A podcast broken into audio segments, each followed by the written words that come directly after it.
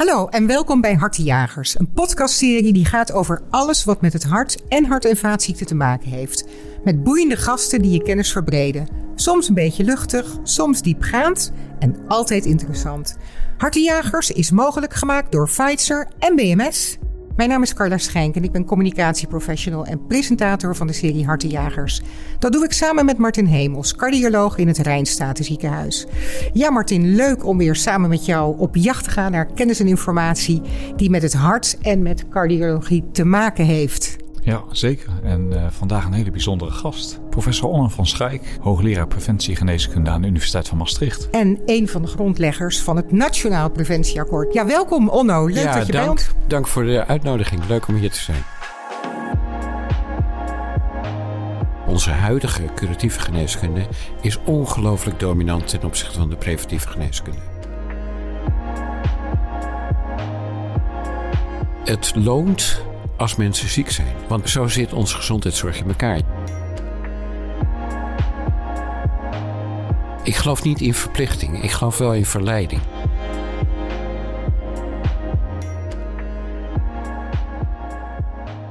We zijn natuurlijk wel heel benieuwd ook, ja, wat voor soort mens ben jij eigenlijk? Nou, dat is een hele brede vraag. Wat voor type, wat zeggen, voor type persoon? Even, nou, als, laat, laat ik zo zeggen, als je het aan mijn vrouw zou vragen of aan vrienden van me zou vragen, dan zouden ze zeggen, je bent extrovert, je bent heel betrokken bij allerlei dingen, uh, zeer geïnteresseerd in allerlei dingen en uh, ja, um, uh, een tomeloze energie toomloze energie. Nou, ja. dat is mooi. Dat kunnen we goed gebruiken vandaag. En waar ligt jouw grootste passie in het leven? Mijn grootste passie ligt uh, bij uh, mensen. Dat is echt wel een hele grote passie voor me. Echt, ik ben heel geïnteresseerd altijd in mensen. Maar wat ook gewoon heel belangrijk voor me is, is om echt te achterhalen hoe dingen zitten. Dus ik ben wel van nature ben ik echt een onderzoeker.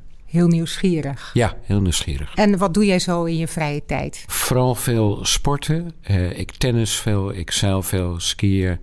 Ik vind het ontzettend leuk om ja, met mijn gezin te zeilen. Op de Waddenzee, op Middellandse Zee. Dat vind ik echt heerlijk. heerlijk. Te lopen met mijn vrouw uh, in de bergen. Dat doe ik heel graag. Uh, zo wat van die dingen. Mooi, leuk om te horen. En van waar heb jij ooit voor dit vak gekozen? Ik heb een uh, promotieonderzoek heb ik gedaan. In uh, Nijmegen was dat. En uh, bij huisartsgeneeskunde. En toen, dat ging over de behandeling van astma en COPD in de eerste lijn.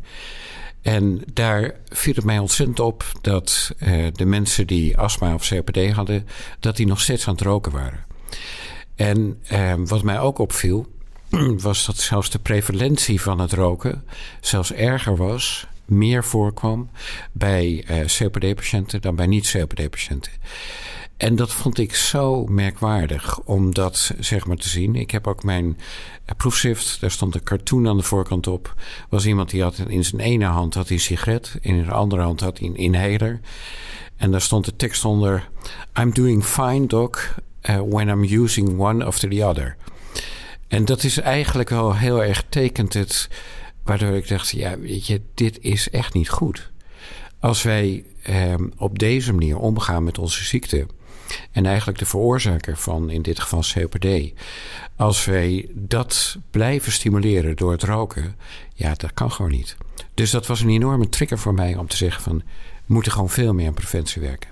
Is die tendens veranderd de afgelopen decennia? Want uiteindelijk is er meer wet en regelgeving gekomen. Is er echt een anti-rookbeleid ook door ja. door de overheid gevoerd? Roken is voor een belangrijk deel gelukt. Toen ik mijn promotieonderzoek deed, nogal een poosje terug... beetje de prehistorie. Maar toen ik, eh, toen ik mijn promotieonderzoek deed... toen was er nog veel minder een anti-rookgevoel in de maatschappij. En ook wel in beleid. Eh, we hebben echt heel veel hebben daaraan aan gedaan ook om, om daaraan te werken. Dat is veranderd, maar ik denk heel veel andere dingen nog niet. Moeten we nog heel veel meer doen. En we hebben nu ook het, het nieuwe roken erbij gekregen, zoals we Zeker, noemen, het zitten bijvoorbeeld. Ja. Nou ja, er zijn natuurlijk veel meer dingen. Het is, het is bewegen, het is de voeding, het is ook alcohol. Nou, het zijn allerlei zaken die daarmee te maken hebben.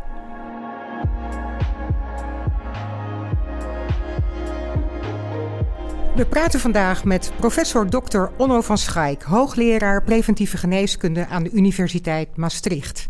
Vandaag hebben we het over preventie en de invloed die dit heeft op mensen met hart- en vaatziekten. Wanneer is preventie eigenlijk een thema geworden binnen de zorg? Je zou het haast eerder om kunnen draaien. Ik denk dat preventie er eerder was dan de curatieve zorg. De preventieve zorg was er eerder dan de curatieve zorg. Als je kijkt eh, naar heel erg eh, naar de oudheid. Eh, oude geschriften die er zijn, eh, zelfs in de Bijbel kom, kom je tegen, in het Oude Testament, dat er allerlei preventieve maatregelen genomen werden om infectieziekten te voorkomen.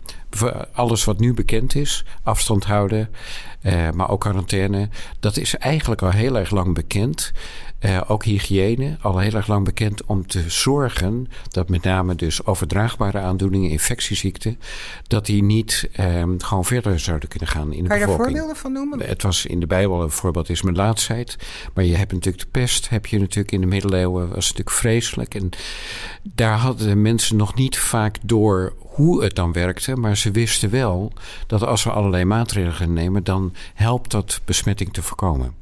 Dus het is niet heel nieuw, maar het is natuurlijk zo dat onze huidige curatieve geneeskunde is ongelooflijk dominant ten opzichte van de preventieve geneeskunde. Je vertelde net hè, dat je eigenlijk getriggerd werd tijdens je promotieonderzoek op het gebied van dat er nog veel gedaan kon worden hè, aan, aan preventie en, en uh, verbetering van leefstijl. Ja. Uh, wat zijn je volgende stappen geweest? Nou, ik, we hebben veel onderzoek gedaan naar stoppen met roken. Hoe kun je dat uh, doen? hoe kun je voorkomen dat kinderen uh, jonge mensen dat die beginnen met roken. We hebben ook gekeken van hoe kun je uh, volwassenen die echt verslaafd zijn aan het roken, hoe kun je die helpen om van het roken af te komen met allerlei manieren. Uh, zowel medicamenteus als niet medicamenteus. Maar we hebben ook gekeken naar hoe kun je patiënten bijvoorbeeld COPD-patiënten, cardiovasculaire patiënten, artrosepatiënten, hoe kun je die helpen met uh, beweegprogramma's, zodat ze gewoon veel meer bewegen en dat integreren met zelfmanagement methoden.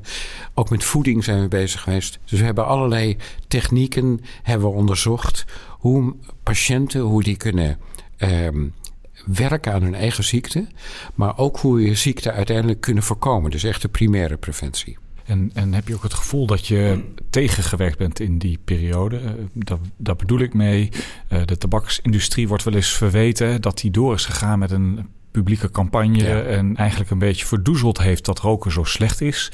Uh, ergens vind ik dat wel eens een zwaktebod, want ik heb zoiets van: hey, je moet toch die mensen ervan bewust maken dat iets Zeker. niet goed is. Um, en dan moet je toch een tabaksindustrie kunnen verslaan in die andere kant van de lobby, om maar zo te zeggen. Maar het zijn boeven. Uh, daar moeten we gewoon eerlijk over zijn. Uh, er zijn allerlei verleidingstactieken die, die gewoon de tabaksindustrie uh, heeft toegepast. Maar je hebt natuurlijk gelijk. Ehm, dat legt niet de verantwoordelijkheid bij de, bij de roker zelf. En het is natuurlijk echt belangrijk dat mensen er zelf ook van overtuigd raken. Het grote probleem alleen is bij en dat is dan specifiek bij tabak, is een heel groot probleem. Dat het zo ongelooflijk verslavend is, dat natuurlijk dat wel heel erg lastig is om dat aan te pakken. Dus daar heb je echt extra incentives heb je voor nodig om dat te doen. Ik denk dat een van de problemen waar we nu op dit moment in Nederland mee zitten, is dat onze curatieve geneeskunde, onze curatieve zorg, dat die eigenlijk foute prikkels geeft. Die heeft foute incentives, zou je kunnen zeggen. En wat bedoel je daar precies mee? Um, het loont als mensen ziek zijn. Want zo zit onze gezondheidszorg in elkaar. Je wordt betaald om zieke mensen, om die beter te maken. Je wordt er niet voor betaald om mensen gezond te houden. Dus eigenlijk zouden de prikkels zouden veel meer moeten zitten in termen van hoe hou je mensen gezond, in plaats van hoe help je mensen die ziek zijn. Ja, dat klinkt heel logisch, maar het is ergens denk ik ook wel ingewikkeld. Hè? Dat is een beetje wat de zorgverzekeraar nu indirect een beetje doet. Goed uh, gedrag belonen. Ja. Maar goed, dan krijg je natuurlijk ook weer, als je niet oppast, een soort tweedeling. Ja. Van mensen die zeggen van ja, um, uh, ik kan er niks aan doen. Uh, ik heb juist die hulp nodig. Dat, dat snap ik wat je zegt. Eh, maar ik denk echt een heel ander systeem. We zouden veel meer zouden we moeten gaan naar een systeem waarbij je populatiebekostiging hebt Dus dat je kijkt naar wijken, uitgaat van de ziekte die er in de wijk is. En dan zou je dus artsen, de gezondheidsdienst, de GGD, zou je dus veel meer moeten belonen naar hoe kun je voorkomen dat er meer ziekten in deze wijk komen. En hoe kun je belonen dat er meer gezondheid komt. Dus je zou echt over moeten gaan naar een heel ander systeem. En dat, daar wordt mee geëxperimenteerd in Schotland. Finland gaat het op dit moment heel erg goed. En je ziet dus dat het wel kan. Maar het vereist echt een andere manier van omgaan hiermee. Ja. Het is wel heel interessant wat je vertelt. Ik, ik, moet dan denken aan wetenschappelijke onderzoeken... waarbij mensen bijvoorbeeld gevraagd worden... om aan een screeningsonderzoek mee te doen... of aan een lifestyle-programma. En de mensen die reageren... Uh, dat werkt vaak ook wel positief. Maar het probleem is vaak de mensen die niet reageren. Ja, dat zijn vaak de mensen met lage socio-economische status, et cetera, et cetera. Maar daar moet je extra, uh, extra manieren aanpakken. Uh, laat ik een voorbeeld geven. Bijvoorbeeld met stoppen met roken. Je ziet dat dat het overwegend te lage ses is. Hè? Dus mensen met mindere opleidingen, minder inkomen... zie je dat dat een enorm probleem is. Wat helpt, is dat dus positieve prikkels geven. We hebben laten zien dat op het moment dat je groepstrainingen geeft in bedrijven om mensen te helpen stoppen met roken. en je geeft daar bovenop nog eens een keer een financiële prikkel. dat het gigantische effecten heeft. We hebben dat in de Lancet gepubliceerd. Dan zie je dus meer dan 40% van de mensen die echt zwaar verslaafd zijn, dat die stoppen met roken gedurende minimaal 12 maanden. Dat zijn een van de hoogste cijfers die er ooit gepubliceerd zijn. Wat zien we bij de mensen die geen beloning krijgen? Zien we ook hoge cijfers, maar is het 25 procent. En dat betekent dus, we moeten onconventionele methoden moeten we toepassen om die lage zes mensen, om die ook te bereiken.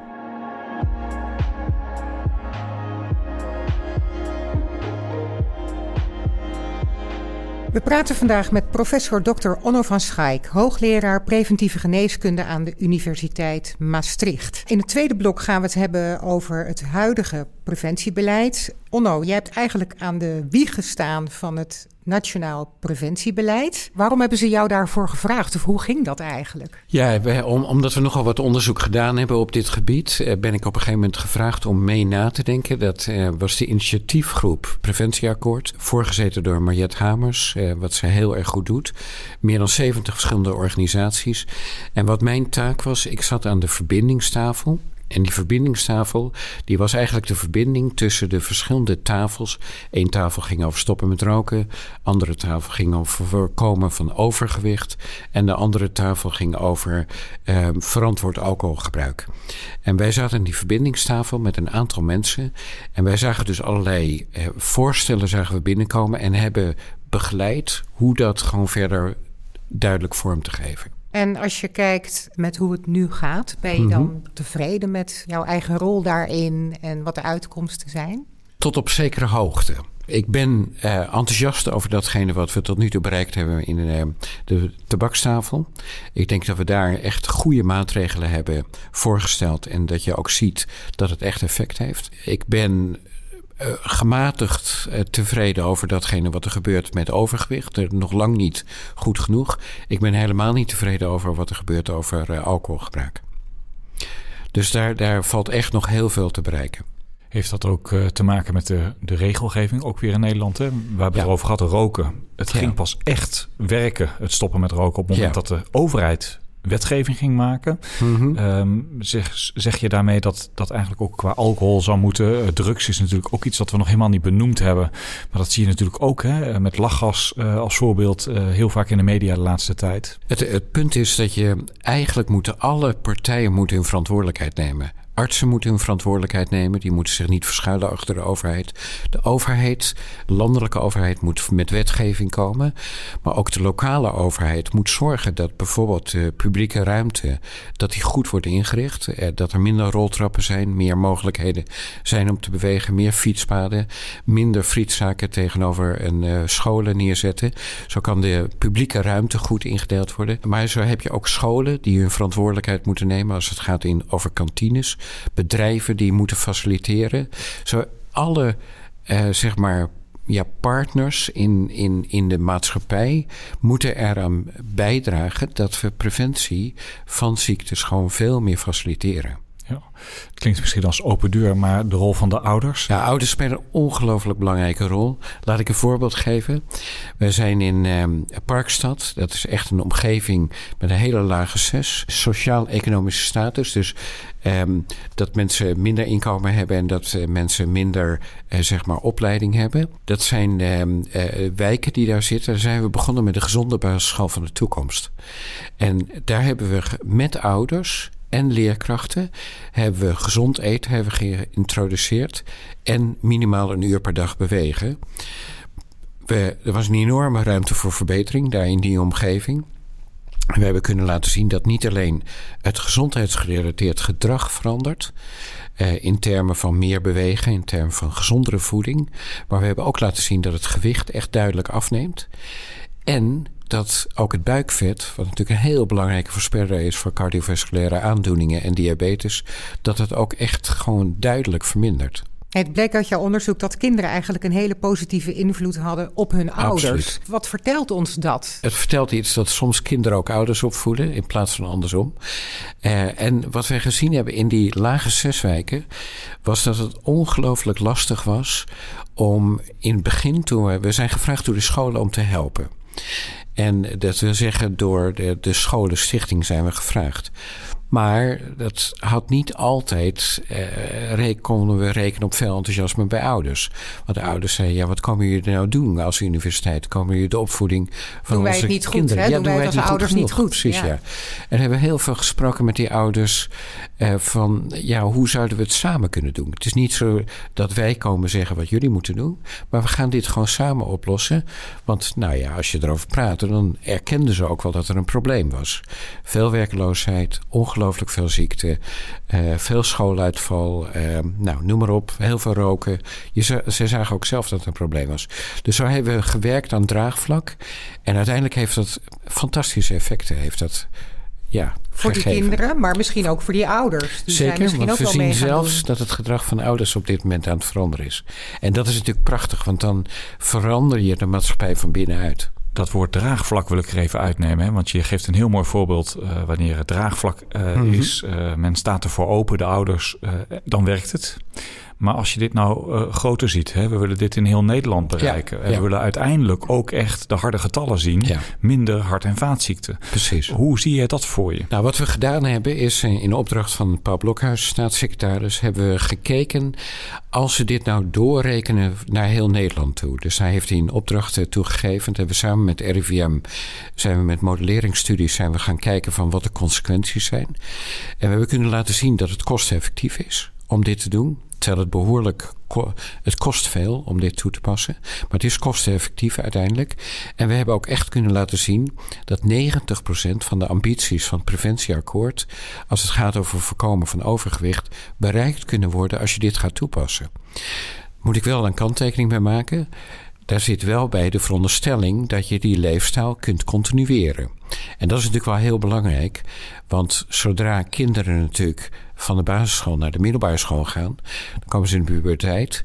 En dan heb je natuurlijk een, hele lastige leeftijd, waarbij gedrag natuurlijk weer echt gaat veranderen. Dus het is belangrijk om die verandering, om die zo vroeg mogelijk in te zetten. En dan te faciliteren dat het doorgaat tijdens de puberteit, op de middelbare schoolleeftijd. En dan ook bij de ja, vroege volwassen leeftijd ook echt doorzetten. Zo creëren we eigenlijk een soort gezonde nieuwe generatie. Absoluut, absoluut. Ter, ter, ja. Als we het nou hebben over hart- en vaatziekten ja, uh, voorkomen en verminderen, dan begint het eigenlijk ja, het moet niet alleen een rookvrije generatie worden, maar het moet ook echt een generatie worden die gezond eet. Een generatie worden die genoeg beweegt, niet overmatig alcohol gebruikt. Dat, dat, daar, daar moeten we naar streven. En dat zijn ook de belangrijkste oorzaken van hart- en vaatziekten? Ja, absoluut. Want we hebben dus doorgerekend, dat was die opdracht van de staatssecretaris. Reken nou eens door wat dit voor diabetes betekent en wat dit voor hart- en vaatziekten betekent. En dat zijn behoorlijk veel consequenties die het heeft. En dat heeft onder andere met het buikvet te maken. Dat we echt zien van welke consequenties dat heeft voor de hele bevolking. We praten vandaag met professor Dr. Onno van Schaik, hoogleraar preventieve geneeskunde aan de Universiteit Maastricht. In het derde en laatste blok praten we eigenlijk over de toekomst. Wat moet er gebeuren om preventie in de toekomst te verbeteren? Nou, we hebben al eigenlijk wat discussie over gehad. Hè, dat, dat er nu uh, best practices gevormd worden. Dat, mm -hmm. dat de idee is om dat over heel Nederland uh, zo voor elkaar te krijgen. En ik denk dat dit ook het moment is, hè, als je kijkt hoe de bevolkingsopbouw. Uh, als nooit tevoren aan het veranderen is. Hè. We hebben op dit moment nog op elke 80-plusser 12 mensen in de beroepsbevolking. Dat is in 2050 naar schatting nog maar 4 of 5. Ja. Dat betekent dat een kleine beroepsbevolking voor Klopt. een enorme grijze ja. golf moet gaan zorgen. Ja, absoluut. ja, die moeten dan zelf fit zijn. Ja. Welke specifieke initiatieven of wetgeving zie jij nu komen dat we daadwerkelijk die stappen kunnen zetten? Denk je dan aan, net zoals de leerplicht, dat je verplicht wordt om aan lifestyle-interventie mee te doen uh, in de basisschoolomgeving? Nee, ik geloof, ik geloof niet in verplichting. Ik geloof wel in verleiding. Ik geloof niet in verplichting. Kijk, het is natuurlijk zo. Um, ik noemde net het voorbeeld van die gezonde basisschool. Ik denk hoe jonger je begint, hoe makkelijker veranderingen zijn toe te passen. Kinderen vinden nieuwe dingen altijd leuk. Volwassenen vinden nieuwe dingen nooit leuk. Die zijn conservatief en die gaan gewoon door met waar ze aan gewend zijn. Dus je moet volwassenen moet je echt verleiden en als het nodig is bestraffen. Dat betekent, ik noemde het voorbeeld van met stoppen met roken, dat je daar financiële incentives geeft. Dat is één vorm van verleiden, een hele specifieke vorm. Maar je kunt het ook met wetgeving doen. Je kunt ook zorgen dat de stoprokenmiddelen dat die vergoed worden. En nu sinds kort het ook niet meer van je eh, 385 euro of 380 euro, je eigen premie. Maar waarom niet gewoon duurder maken? Duurder maken Ook- de sigaretten, duurder maken, beide. ongezond eten. Maar je moet het beide doen. Maar je moet niet beginnen direct met de bestraffing. Eh, Wat belangrijk is, is dat je echt ook laat zien dat je in de huid kruipt van de ander. En dat je hem helpt om als het ware die stappen te zetten. En als het niet genoeg is, dan moet je gaan bestraffen. Dat betekent inderdaad meer hogere accijnsen. Maar om even over voeding te spreken. Kijk, wat ontzettend belangrijk is, is dat je in ieder geval eh, met accijnsen kun je heel veel doen. Dus je kunt Maar dat is zorgen. bestraffen, toch? Eigenlijk. Dat, maar het kan ook de andere kant op gaan. Je kunt ook de BTW-tarieven kun je verlagen van groente en fruit. Ook daarin kun je een beloning geven. Dus je kunt spelen zonder dat per definitie de BV Nederland er minder van wordt. Dus het hoeft niet altijd slecht te werken, maar je moet daar op een slimme manier moet je daarmee werken. En ik noemde net al even het voorbeeld over eh, publieke ruimtes. Werk er nou aan dat roltrappen. Ik liep net, eh, ik kwam met eh, het openbaar vervoer. Wat valt dan op? Een grote trap.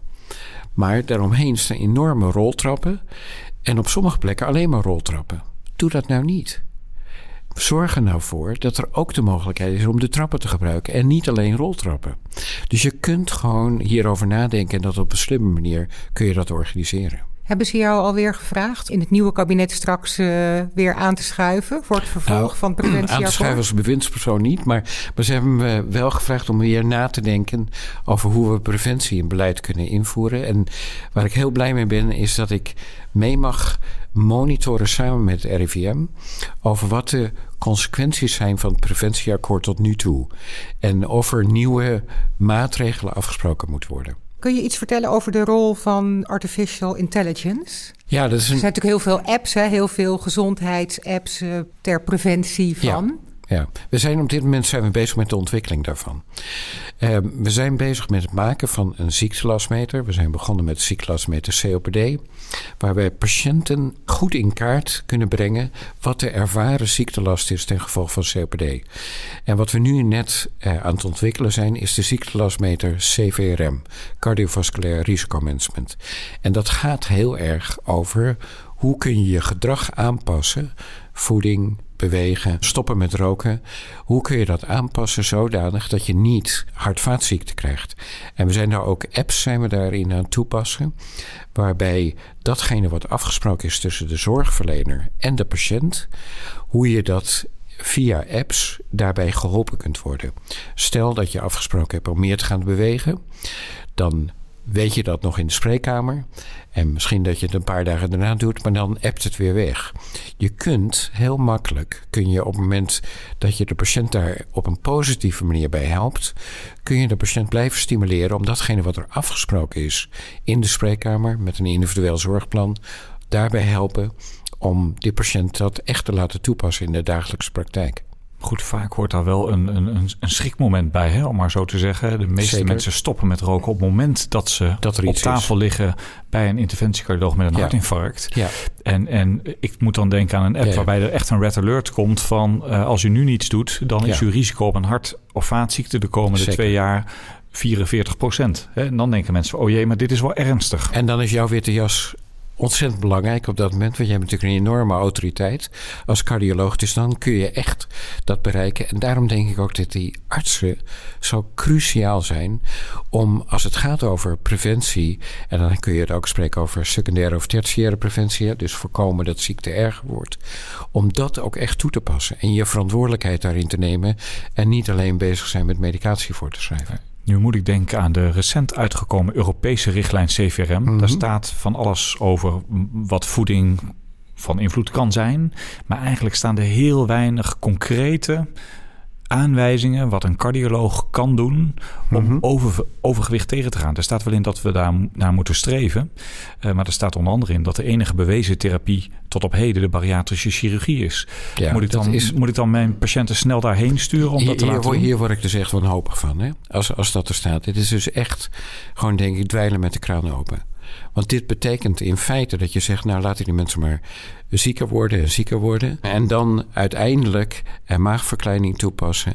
Dat is dus werkelijk, ik vind het echt dramatisch als er op deze manier naar gekeken wordt. Want ik denk, je kunt dus veel eerder als huisarts, als POH, als verpleegkundige, als specialist kun je dus veel eerder kun je gewoon op het moment dat mensen aan het afglijden zijn, kun je ze gewoon helpen. En je kunt ze laten zien wat is de consequentie van je gedrag op het moment dat je het niet doet. En je hoeft niet per se een hartaanval te hebben om je gedrag te kunnen veranderen. Je moet ze helpen, als het ware, om dat te doen. En zoiets als een ziektelasmeter kan ze er echt bij helpen. En er is wel een middel natuurlijk, hè? de gecombineerde leefstijlinterventie, de mm zogeheten GLI. Daar is veel over te doen op dit moment maar dat weet je ook uh, als je kijkt naar de gemiddelde uitkomst van een GLI. er heeft recent nog een artikel gestaan in het uh, Nederlands tijdschrift voor geneeskunde. Nou, je hebt er mhm. zelf wel eens in de media ook wat over gezegd, hè, onlangs nog in het NRC.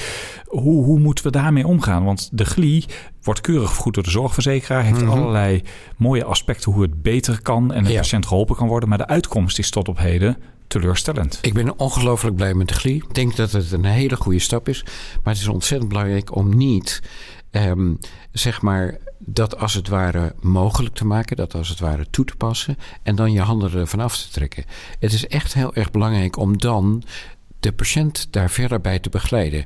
Dat kan door een uh, leefstijlcoach kan dat zijn, maar ook als arts is het ontzettend belangrijk om die terugkoppeling zeg maar te horen en daar ook zelf bij betrokken te zijn bij die uh, zeg maar gedragshandelingen die de patiënt ook echt moet toepassen. Wat vind jij in één zin de, wat de rol van de overheid hierin zou moeten zijn? De overheid is ontzettend belangrijk in wetgeving en is ontzettend belangrijk in het faciliteren dat allerlei publieke partners, allerlei zorgverleners dit kunnen toepassen.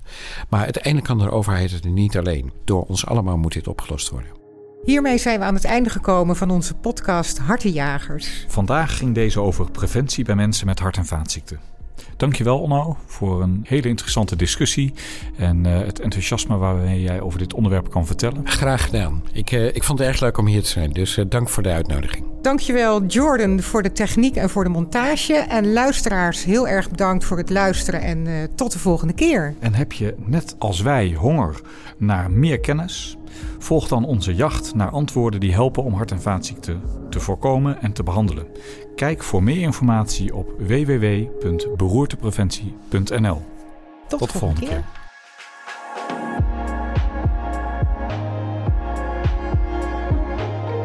Hartenjagers is mogelijk gemaakt door Pfizer en BMS, doorbraken die de levens van patiënten veranderen.